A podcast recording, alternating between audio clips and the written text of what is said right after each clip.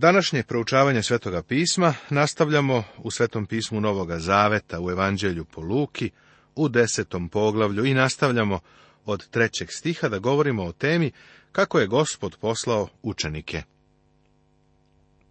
Idite, eto šaljem vas kao jaganjce među vukove, ne nosite novčanika, ni torbe, ni obuće i ne pozdravljajte nikoga na putu.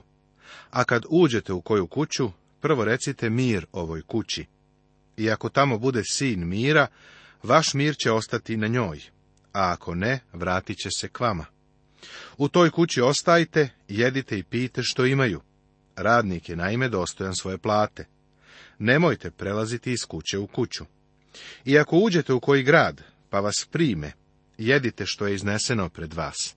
Lečite bolesnike u njemu i govorite, došlo je do vas carstvo Božije. Isus ih upozorava da treba da očekuju nevolje i opasnost. Oni će biti kao jaganjci među vukovima. Treba lako da putuju i da ne gube vremena prazne razgovore. Treba da budu ljudi podsticani jednim glavnim motivom, da pripreme srca za dolazak lično Hrista. Ako pak uđete u koji grad, pa vas ne prime, iziđite na njegove ulice i recite, otresamo vam iz vašega grada i prah koji je prionuo za naše noge. Ali to znajte da se približilo carstvo Božije. Kažem vam da će u onaj dan Sodomu biti lakše nego tom gradu. Teško tebi, Horazine, teško tebi, Vicaido, jer da su se u Tiru i Sidunu dogodila čuda koja su se dogodila u vama, odavno bi se pokajali sedeći u vreći i pepelu ali Tiru i Sidonu će biti lakše na sudu nego vama. I ti, Kafarnaume, zar ćeš se do neba podići? Bićeš srušen do ada. Ko vas sluša, mene sluša, i ko vas odbacuje, mene odbacuje. Ko pak odbacuje mene, odbacuje onoga koji je mene poslao. Gospod dostojanstveno govori o ozbiljnosti odbacivanja njegovih vesnika. Odbaciti njih isto je što i odbaciti njega. A onih sedamdeset dva vratiše se s radošću govoreći, Gospode, i demoni nam se pokoravaju u Tvoje ime. A on im reče, Gledao sam satanu kako je pao s neba kao munja. Eto, dao sam vam vlast da stajete na zmije i skorpije i na svaku neprijateljsku silu i ništa vam neće nauditi. Ali nemojte da se radujete tome što vam se duhovi pokoravaju, nego se radujte što su vaša imena zapisana na nebesima. Da bi upotpunio priču o sedamdesetorici, Luka opisuje njihov povratak. Vratili su se uzbuđeni i oduševljeni. Isto ovakvo iskustvo imamo mi kada govorimo Božju reč, a onda neko zbog toga dođe gospodu. Kako se veličanstveno osjećamo? Kakva je samo pouka za nas da pamtimo Hristove reči? Ali nemojte da se radujete tome što vam se duhovi pokoravaju, nego se radujte što su vaša imena zapisana na nebesima. Kada u našoj službi postoji uspeh, to je Božje delo, a ne naše. U taj čas obradova se u duhu svetome i reče. Hvalim te, oče, gospode neba i zemlje, što si sakrio ovo od mudrih i pametnih, a otkrio si bezazlenima. Da, oče, zato što se tebi tako svidelo. Moj otac mi je sve predao i niko, sem oca, ne zna ko je sin i ko je otac. Zna samo sin i onaj kome sin hoće da otkrije. Tada se obrati posebno učenicima i reče, Blažene su oči koje gledaju šta vi gledate, jer vam kažem da su mnogi proroci i kraljevi želili da vide ono što vi gledate i nisu vidjeli, te da čuju ono što vi slušate, pa nisu čuli. Parabola o dobrom Samarjaninu Sada dolazimo do jedne od stvari koja obeležava Lukino evanđelje, do parabola. Doktor Luka proučava parabole, baš kao što Marko proučava čuda. Doktor Luka beleži neke parabole koje spadaju u najpoznatije delove Biblije. Parabola o dobrom Samarjaninu je verovatno najpoznatija priča. Neki književni kritičari je smatraju najvećom ikada ispričanom pričom. I gle, jedan učitelj zakona usta da ga kuša i reče, Učitelju, šta treba da učinim pa da nasledim život večni? Priča o dobrom Samarijaninu je nastala kao odgovor na pitanje o večnom životu. Pitanje nije sasvim pošteno, ali je bilo dobro i izdašno za odgovor. Jedan učitelj zakona je postavio to pitanje, ali nije bio poznavalac zakona, odnosno advokat, u današnjem smislu reči. Čuo sam kratku priču o advokatima u američkom pravničkom sistemu. Dva advokata su došla na sud. Bio je u pitanju težak slučaj, pa se tu našlo vrlo mnogo kontroverze. Sud je započeo postupak, jedan advokat je skočio i drugog nazvao lažovom. Drugi advokat je skočio sa optužbom i prvog nazvao lopovom. Sudija je onda lupio čekiće, molio za tišinu i rekao, sada kad su se advokati predstavili, počet ćemo sa slučajem. Međutim, učitelj zakona u ovoj priči nije bio deo advokatskog sistema, nego je bio tumač Mojsijevog zakona, pa je samo u tom smislu bio advokat. Gospod je sada imao divnu priliku da se pozabavi pitanjima. Na pitanje je odgovorio tako što je postavio drugo pitanje. Usput da kažem, ovo je poznato kao Sokratovski metod, jer ga je koristio Sokrat. Na pitanje je odgovarao pitanjem. Tako se čoveku dopušta da sam odgovori na postavljeno pitanje. Ovaj učitelj zakona pokušava da Isusa dovede do govornice za svedoke, a Isus uzvraća tako što njega dovodi do govornice za svedoke. A on mu reče, šta je napisano u zakonu, kako čitaš? Isus je znao da je ovo bio stručnjak za Mojsijev zakon. A on odgovori i reče, ljubi gospoda Boga svoga svim srcem svojim i svom dušom svojom i svom snagom svojom i svom mišlju svojom i ljubi bližnjega svoga kao samog sebe. Reče mu, pravo si odgovorio, čini to pa ćeš živeti. Pitam se da li u ovome zapažaš žaoku. On pak, želeći da se opravda, reče Isusu, a ko je moj bližnji? Zapazi da je gospod rekao, pravo si odgovorio. Seti se da se ovo odigralo pre nego što je Hristos umro na krstu. Da li to znači da se čovek može spasiti držanjem zakona? Da, ali da nastavimo sa ovim i da to razradimo. Nisu opravdani oni koji slušaju zakon, nego oni koji ga drže. Ako kažeš da možeš da ga održiš, moram da te podsjetim da ti gospod govori drugačije. On kaže da je nemoguće da se opravdaš zakonom, jer niko ne može da održi zakon. Jer na osnovu dela zakona niko neće biti opravdan, kaže poslanica Galatima u drugom poglavlju. Jer što zakon nije mogao, zato što je zbog tela bio slab, učinio je Bog na taj način što je poslao svoga sina u obličju sličnom grešnom telu i za greh i osudio greh u telu, da bi se pravednost koju zakon zahteva ispunila na nama, koji ne živimo po telu, nego po duhu. E sada, da je učitelj zakona bio pošten, što nije, on bi ovako rekao. Učitelju, Iskreno sam se trudio da ljubim Boga celim svojim srcem, dušom, snagom i umom i moje bližnje kao samoga sebe, ali ne uspevam. Tako sam jadan i neuspešan. Kako onda mogu da nasledim večni život? Ali umjesto da bude iskren, on je prisvojio metod izbjegavanja i rekao, a ko je moj bližnji? Hristos mu daje odgovor na ovo pitanje i to kroz priču o dobrom samarjaninu. To je jednostavna, ali divna priča. Isus prihvati i reče. Jedan čovjek je silazio iz Jerusalima u Jerihon i pao u ruke razbojnicima, koji ga svukoše, izbiše, ostaviše ga napolju polumrtva i odoše. A slučajno je tim putem silazio jedan sveštenik, vide ga i prođe. Isto tako jedan levit dođe na to mesto, pa kad vide, prođe. Moguće je da je ovaj učitelj zakona bio levit i da se u ovom momentu uzvrpolio, jer ga je ovo možda i lično dotaklo.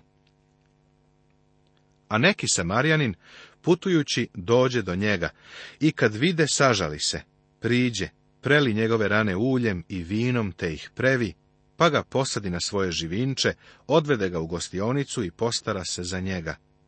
Sutra dan izvadi dva dinara, dade i gostioničaru i reče, pobrini se za njega, i ako potrošiš što više, platit ću ti prilikom svoga povratka.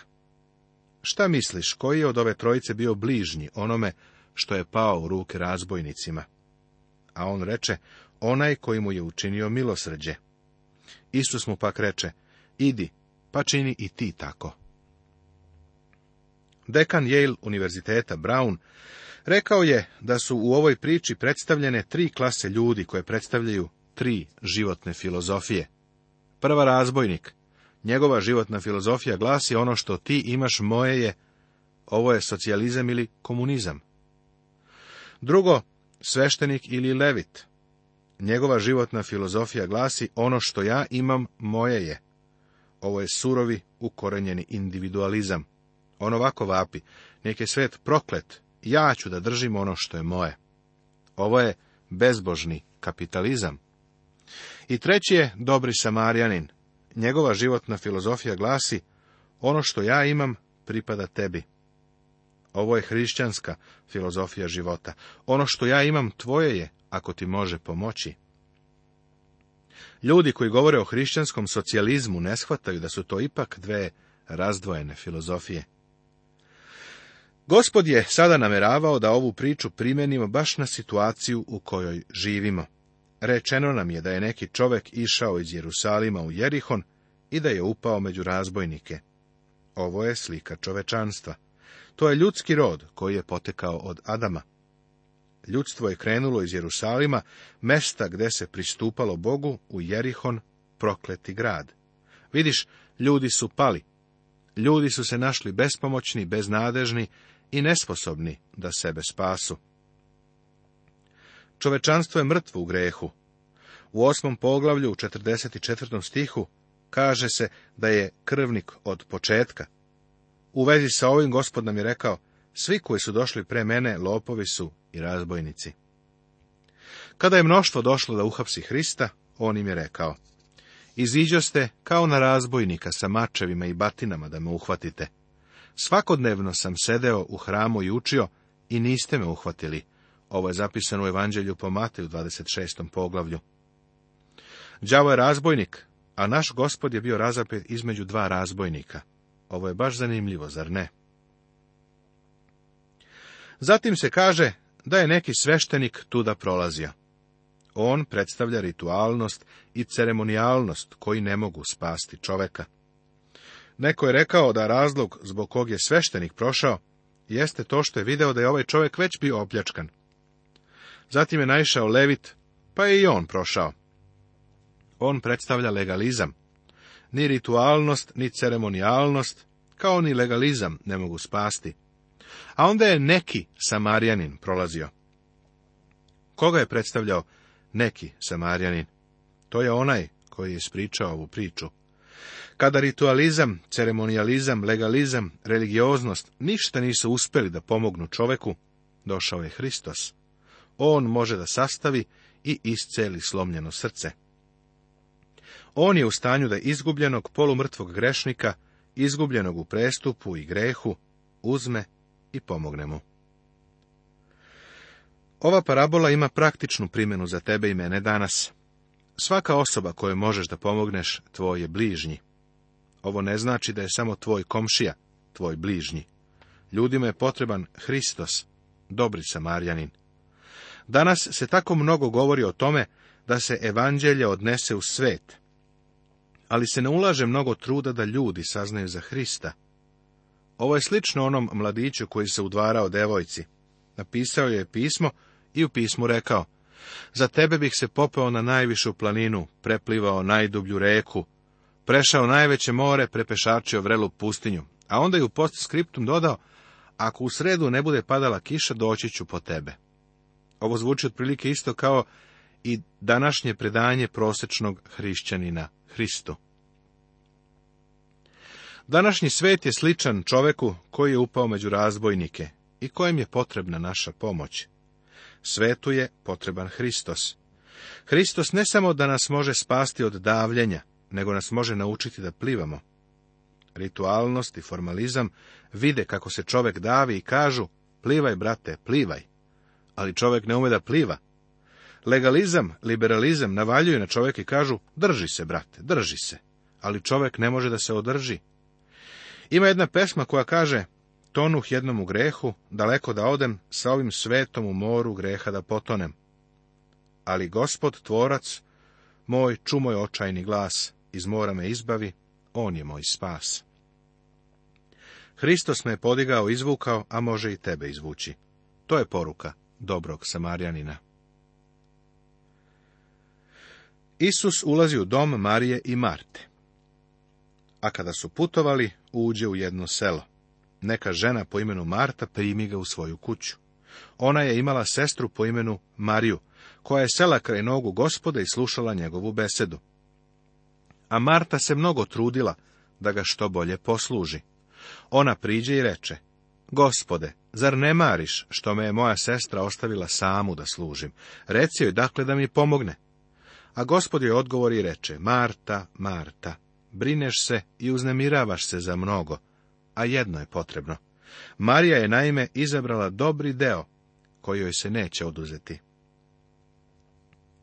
Bez zalaženja u mnoge detalje, dovoljno je reći da je Marija uradila svoj deo. Onda je otišla iz sela kod Isusovih nogu njena sestra Marta je bila draga duša i da nije bilo nje, oni ne bi imali tu divnu večeru. Međutim, ona je bila vrlo zauzeta i zbog toga frustrirana. Verovatno je posegla za loncem, ali on nije bio dovoljno velik. Onda je uzela drugi lonac, on je pao s vrha stolice. To je za nju bilo previše, pa je izašla iz kuhinje, rekla nešto što pod normalnim okolnostima ne bi rekla. Gospod je prema njoj bio vrlo pažljiv, ali je kazao, Marija je izabrala najbolji deo. Moji sfrustrirani, zbunjeni prijatelju, da li se nalaziš u onom životnom ćošku, kada ne znaš na koju stranu da se okreneš? Onda sedi. Sedi kod Isusovih nogu. Pogledaj u njegovu reč i vidi šta on ima da ti kaže. To će ti pomoći u tvojim kućnim poslovima. Načinit će od tebe osobu koja bolje pere sudove. Pomoći će ti da počistiš pod. Iskopat ćeš bolji rov, bolje ćeš pokositi livadu, svoju lekciju ćeš bolje naučiti. Posao u kancelariji će ti biti lakši, moći ćeš bolje da voziš škola. Samo nađi vremena da sediš pored Isusovih nogu. Marija je izabrala najbolji deo. Poglavlje 11. U ovom poglavlju nalaze se dve divne parabole o molitvi koje je jedino Luka zapisao. Isus svoje učenike uči da se mole koristeći priče o upornom prijatelju i o dobrom ocu. Gospod je optužen da demone isteruje pomoću Velzebula, pa on na to odgovara parabolom o nečistom duhu koji odlazi iz čoveka. Daje Jonin znak i priču o zapaljenoj svetiljci. Ovo poglavlje se završava Isusovim ukoravanjem fariseja. Nešto od onoga što je Isus rekao o molitvi. A kada se molio na jednom mestu i prestao, reče mu jedan od njegovih učenika, Gospode, nauči nas da se molimo Bogu, kao što je i Jovan poučio svoje učenike. A on im reče, kada se molite, govorite, Oče, neka se sveti ime Tvoje, neka dođe carstvo Tvoje, hleb naš nasušni daj nam svaki dan, i oprosti nam naše grehe, jer i mi opraštamo svako svom dužniku, i ne uvedi nas u iskušenje. Ovaj značajni odeljak se bavi molitvom na način koji se nigde drugde u evanđeljima ne nalazi. Možda zvuči slično drugim delovima evanđelja, ali u stvari je drugčiji. Neki smatraju da je ovaj deo ubačen deo, deo umetnut u hronološki izvešte o Hristovoj službi. Istina je da ovaj deo ne ide u toku sa događajima, ali zato iznosi mnoge važne pretpostavke. Isusov učenik je želeo da zna kako da se moli, jer je video i čuo da se Hristos moli. Gospod je imao običaj da se povuče u samoću i da se moli. Učenik je očigledno prečuo njegovu molitvu, ali se u njegovom srcu rodila želja da se moli kao što se Hristos molio. Baš ovog momenta, prijatelju, Gospod Isus Hristos je Bogu s desne strane i zastupa za nas. On je naš veliki zastupnik. Još uvek je dobra ideja tražiti od njega da nas nauči kako da se molimo. Dobro je tražiti, gospode, nauči me da se molim. Ovaj učenik nije samo pitao kako da se moli. Gospod je izrekao propoved na gori u kojoj je dao nacrt ili skicu kako treba da se molimo. Ovaj učenik nije pitao za tehniku, sistem, umetnički oblik ili ritual koji treba da sledi. Nije bilo u pitanju kako da to uradi, on je prosto želeo da se moli onako kako se molio Isus. Mnogi ljudi samo izgovaraju svoje molitve. To je neka vrsta aminovanja, fraza na kraju dana, kao kada obučeš pižamu. Odrasto sam u kući u kojoj nikad nisam čuo molitvu, ni video Bibliju. Oceo sam u spavonici na jednoj konferenciji, kojoj sam kao dečak prisustvovao, sa ostalim dečacima i uveče nam je osoba koja je bila za nas zadužena rekla da obučemo pižame pa da se okupimo za molitvu. Na samom početku stekao sam utisak da treba da se obuče pižama da biste se molili. U neko drugo vreme znači nisi ni mogao da se moliš. Pižama je bila vrsta molitvene odore. Ovo je svakako bilo smešno, ali iskreno govoreći, potrebno nam je da nas neko nauči da se molimo, ne samo da izgovaramo molitve, nego da priđemo Bogu. Nastavit će se.